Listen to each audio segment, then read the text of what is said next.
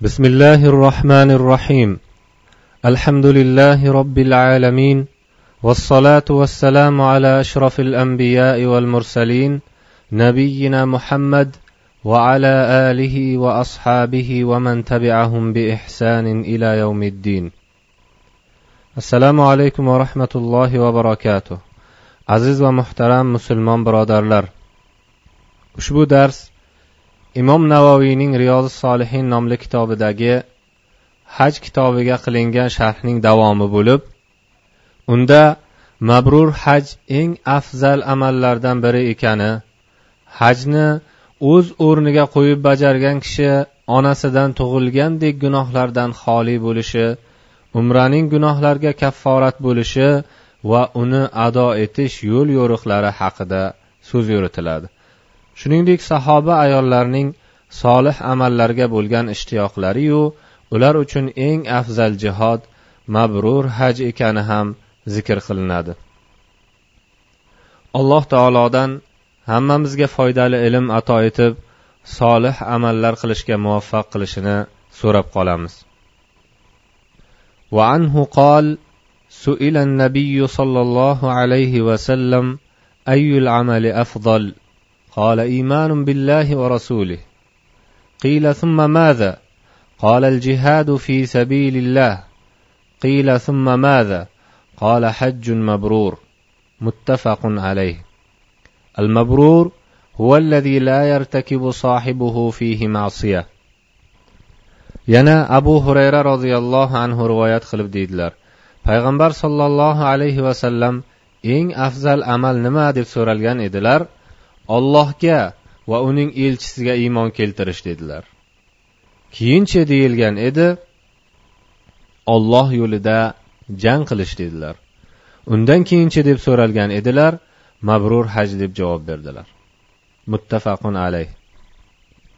Ibn rajab rahimaulloh amallarning eng afzali alloh taolo bandalariga farz qilgan amallar ekanida shak shubha yo'q. Bandalarga vojib bo'lgan farzlarning eng afzali dil bilan tasdiq va til bilan nutq qilgan holda olloh va uning elchisiga iymon keltirishdir. Bu esa kalimai shahodatni aytish bo'lib payg'ambarimiz sollallohu alayhi vasallam shu bilan payg'ambar qilib jo'natilganlar va shu uchun jang qilishga buyurilganlar degan ekanlar.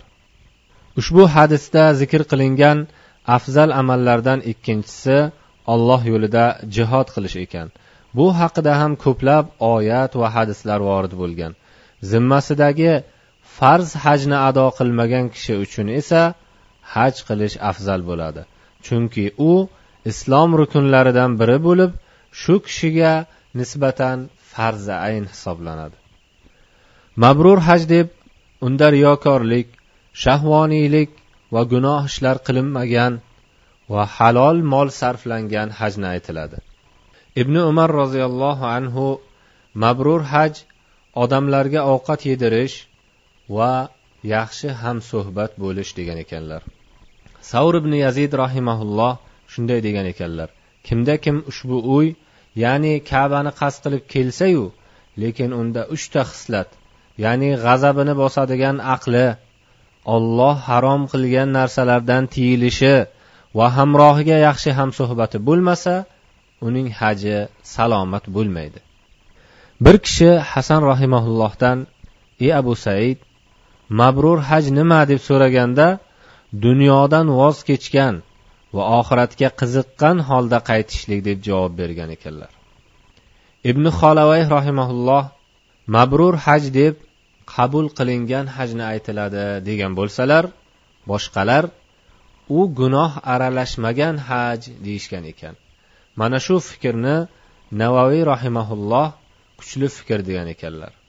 Imom qurtubiy rahimaulloh esa mabrur hajning ma'nosida zikr qilingan so'zlar hammasi bir biriga yaqin ma'noda bo'lib bu ma'no ahkomlari benuqson qilinib mukallafdan talab qilinganidek to'la to'kis ado qilingan hajdir degan ekanlar وعنه قال سمعت رسول الله صلى الله عليه وسلم يقول من حج فلم يرفث ولم يفسق رجع كيوم ولدته أمه متفق عليه yana abu hurayra roziyallohu anhu rivoyat qilib rasululloh sollallohu alayhi vasallam kimda kim ayoliga shahvoniy munosabatda bo'lmagan fosiqlik qilmagan holda haj qilsa onasidan tug'ilgan kundagidek begunoh bo'lib qoladi deganlarini eshitdim deydilar. Muttafaqun alayh. Ya'ni shu holda haj qilgan shaxs xuddi onasidan tug'ilgan kundagidek gunohsiz qaytar ekan. Chunki hajda qilgan amallari uning barcha gunohlariga kafforat bo'lar ekan. Rafasni ba'zi ulamolar uyat so'zlar deyishgan. Ko'pchilik ulamolar rafasdan maqsad jimo qilish deyishib bunga alloh taoloning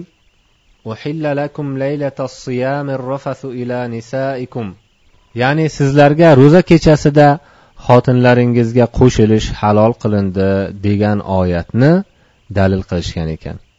Ba'zilar esa u xotinga qo'shilishni ochiqcha zikr qilish deyishgan ekan. Azhariy rohimaulloh aytishlaricha rafas erkak kishi ayoldan xohlaydigan hamma narsani jamlovchi so'z ekan.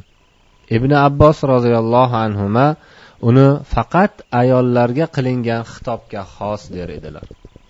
Imom muslim rivoyat qilishlaricha rasululloh sollallohu alayhi vasallam amr ibn al os roziyallohu anhuga hajning ham o'zidan oldingi gunohlarni yo'qotishini bilmadingmi? degan ekanlar.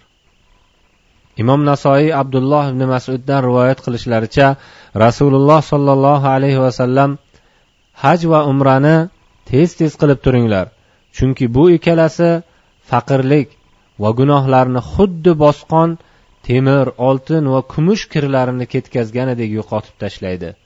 Mabrur haj uchun jannatdan boshqa savob yo'q degan ekanlar. Yana hadisda zikr qilingan fisq so'zi gunoh qilish allohning buyrug'ini tark qilish va haq yo'ldan chiqish degan ma'noda ishlatiladi. Hadisda oyatga tayanib jidol ya'ni janjal so'ron so'zi zikr qilinmagan. Chunki oyatda quyidagicha kelgan. Haj mavsumi ma'lum oylardir.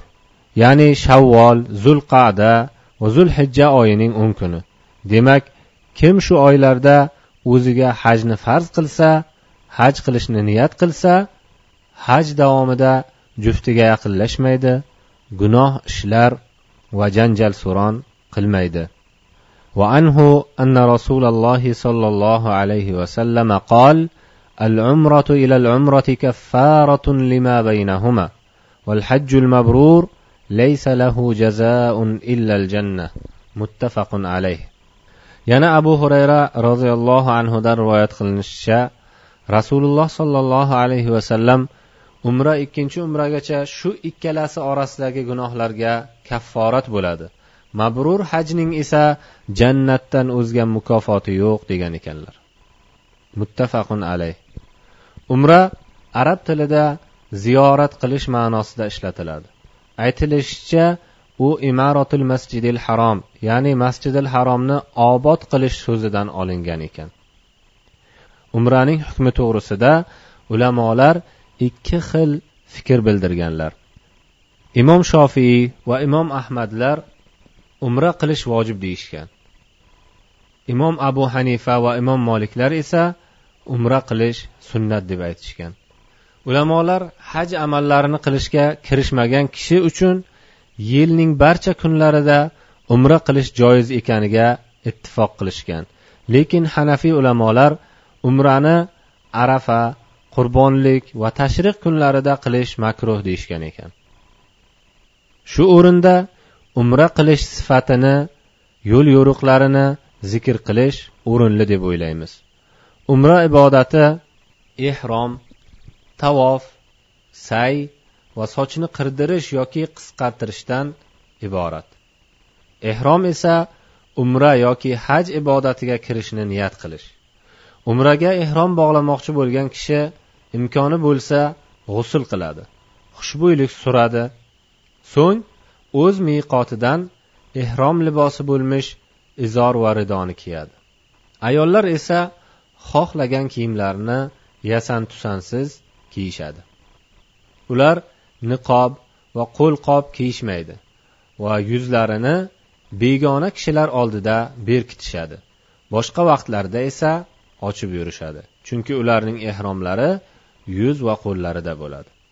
Imom daroqutniy ibn umardan rivoyat qilishlaricha rasululloh sollallohu alayhi vasallam ayolning ehromi yuzida erkak kishiniki boshida degan ekanlar. So'ng labbayka umratan labbayka allohumma labbayk labbayka la sharika laka labbayk innal hamda wan ni'mata laka val mulk la sharika laka deb umrani niyat qiladi. Talbiyaning ma'nosi quyidagicha labbay ey allohim sen sheriksiz yagonasan labbay hamdu sano ne'mat va mulk sen uchundir. Sening sheriging yo'qdir. Talbiyani baland ovozda aytish erkaklar uchun sunnat. Chunki ovozni ko'tarishda ollohning marosimlarini izhor qilish va tavhidni oshkor qilish bor. Ayollar esa talbiyani ham boshqa zikrlarni ham baland ovozda aytishmaydi. Yo'l davomida ko'p zikr duo va talbiya aytadi.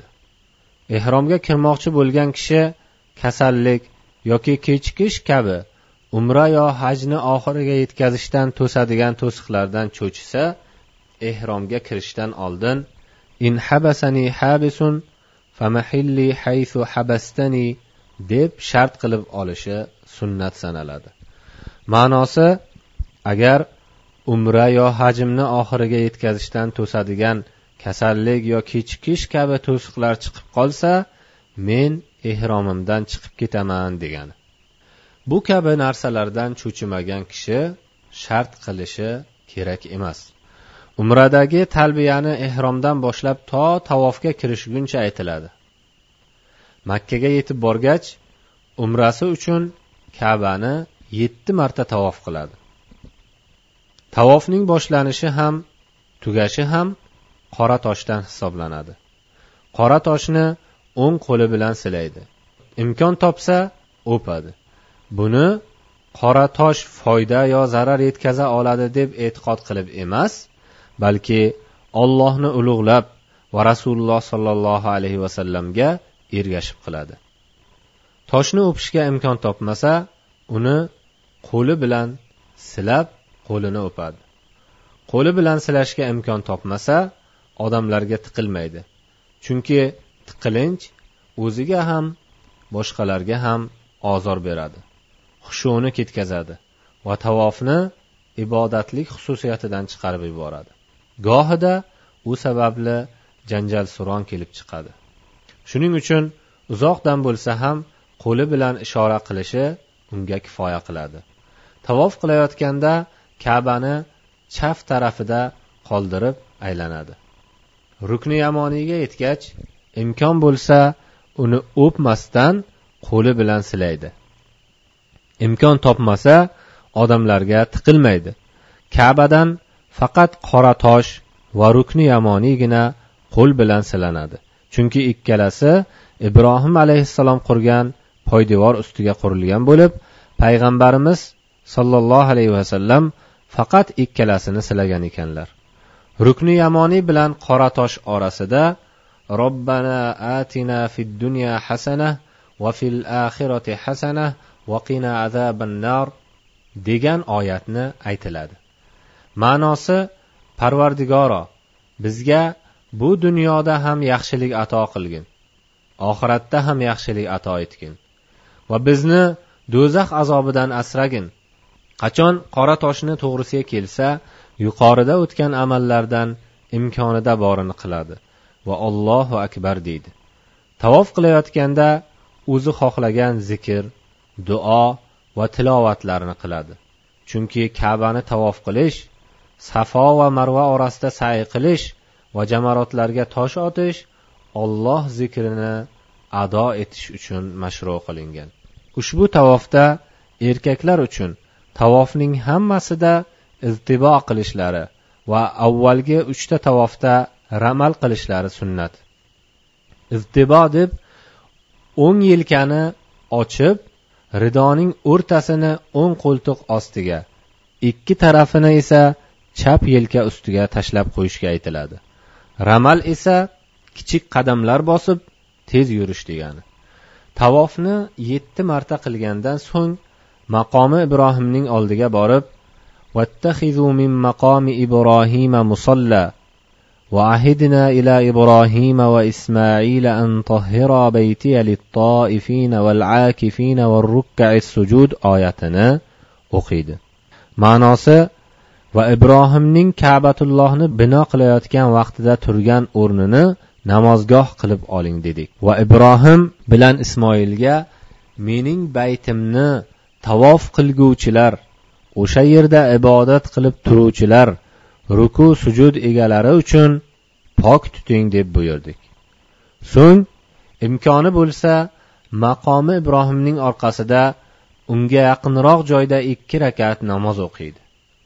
Agar tiqilinch bo'lsa uzoqroqda o'qisa ham bo'ladi.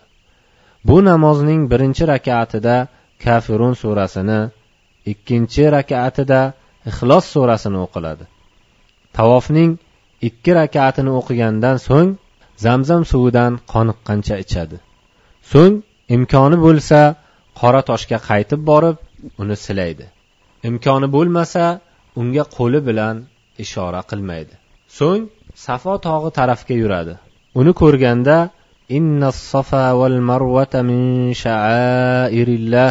فمن حج البيت أو اعتمر فلا جناح عليه أن يطوف بهما ومن تطوع خيرا فإن الله شاكر عليم oyatini o'qiydi ma'nosi albatta safo va marva olloh buyurgan marosimlardandir shunday ekan kim haj yoki umra qilsa u ikki tog' orasida say qilishining gunohi yo'qdir va kim o'z ixtiyorila yaxshilikni niyat qilsa bas albatta olloh shukur qilguvchi taqdirlovchi va bilguvchidir.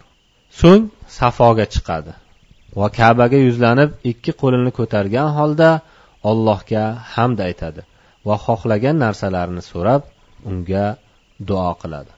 Payg'ambarimiz sollallohu alayhi vasallam safo va marvaning ustida la ilaha illalloh vahdahu la sharika lah له الملك وله الحمد وهو على كل شيء قدير لا اله الا الله وحده انجز وعده ونصر عبده وهزم الاحزاب وحده deb uch marta takrorlar va shular orasida duo qilar edilar so'ng safodan marva tarafga qarab yuradi yashil chiroqli belgiga yetgach imkoni boricha birovga ozor bermay keyingi yashil chiroqli belgigacha tez yuguradi. Keyin marvaga yetib borguncha odatdagiday oddiy yuradi. Yetib kelgach uning ustiga chiqadi va qiblaga yuzlanib ikki qo'lini ko'targancha safo ustida qilgan zikr va duolarni qiladi. So'ng marvadan safoga qarab yuradigan o'rinlarda yurib chopadigan o'rinlarda yugurib boradi. So'ng safoga chiqadi. Va kabaga yuzlanib ikki qo'lini ko'targan holda birinchi marta qilganidek duo qiladi. Sayning qolgan qismida o'zi yoqtirgan zikr qiroat va duolarni aytadi. Safo va marvaning ustiga chiqish va ikkita yashil chiroqli belgi orasida yugurish vojib emas balki sunnatdir. Safo bilan marva orasida yetti marta umraning sayini qiladi. Uni safodan boshlab marvada tugatadi.